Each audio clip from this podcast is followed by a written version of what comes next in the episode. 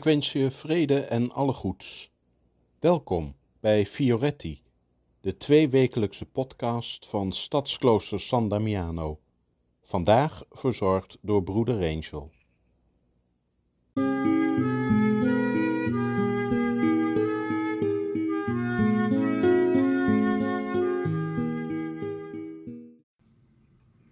Mystiek is de kunst van de vereniging met de werkelijkheid. In onze westerse samenleving gaan wij langzamerhand tot een minderheid behoren. In de grote steden zijn christenen al een bezienswaardigheid. Laat staan biddende broeders en zusters in hun kloosters en habijten. En het is ook een beetje gek.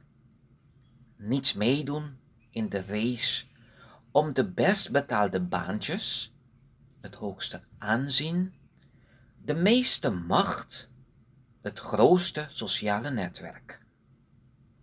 En dat allemaal om iemand in wie de meeste mensen niet of niet meer geloven en ab atheïstisch de schouders over ophalen. God is, maatschappelijk gezien, een niemand, een verschompeling, een arme. Maar voor ons, christenen, broeders en zusters van Jezus, is God geen randfiguur. Voor ons staat Hij centraal. Hij is de liefde van ons leven. Al onze kaarten hebben wij op Hem gezet.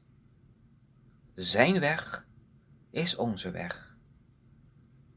En dat doen we niet uit protest tegen de geest van onze tijd, maar omdat Hij zelf ons hart verlicht heeft. De ogen van onze tijd zien het vaak omgekeerd. Wij lijken een tegenbeweging te vormen, een reactie op de almacht van de economie en de menselijke speelzucht jegens moeder aarde en haar grondstoffen. Maar we zijn geen tegenbeweging. Onze ogen zijn opengegaan voor de werkelijkheid. Wij gaan de mystieke weg.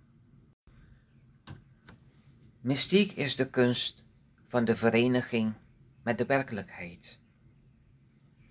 Wij gaan deze weg in het voetspoor van Franciscus en Clara, omdat God hun hart verlicht had, verlangen zij te leven in boetvaardigheid.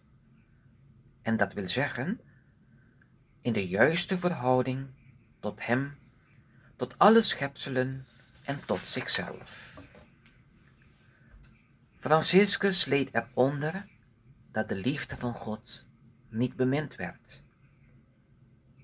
Heel zijn leven wijdt hij aan de liefde voor Gods liefde, aan verbinding, genezing en heelwording van een wereld die juist in dit opzicht gebrek leidt. Dat God niet meetelt. Eén rechtvaardige kan de wereld redden. Ook onze westerse, atheïstische wereld nu. Afgelopen dagen hebben wij heel groot het Franciscusfeest kunnen vieren. Zo ook gebruik ik nu zijn woorden uit het laatste hoofdstuk van zijn regel, die hij in het jaar 1221, dus nu meer dan 800 jaar geleden, dat hij geschreven had. laten wij allen overal, op iedere plaats, ieder uur en iedere tijd, dagelijks en voortdurend, waarachtig en nederig geloven en in ons hart bewaren en beminnen, eren, aanbidden, dienen, prijzen en zegenen, verheerlijken en hoog verheffen, roemen en danken, de Allerhoogste en verheven, eeuwige God, drievuldig en één, Vader, Zoon en Heilige Geest, Schepper van allen en Redder van allen. Amen. Dat je ook momenten mogen hebben om even stil te zijn en verbonden mag weten over grenzen voorbij tijd en ruimte.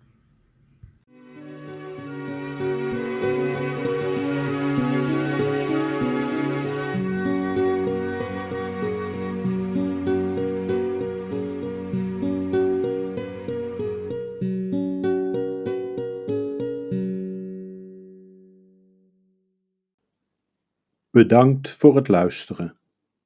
Tot over twee weken en tot die tijd vrede en alle goeds.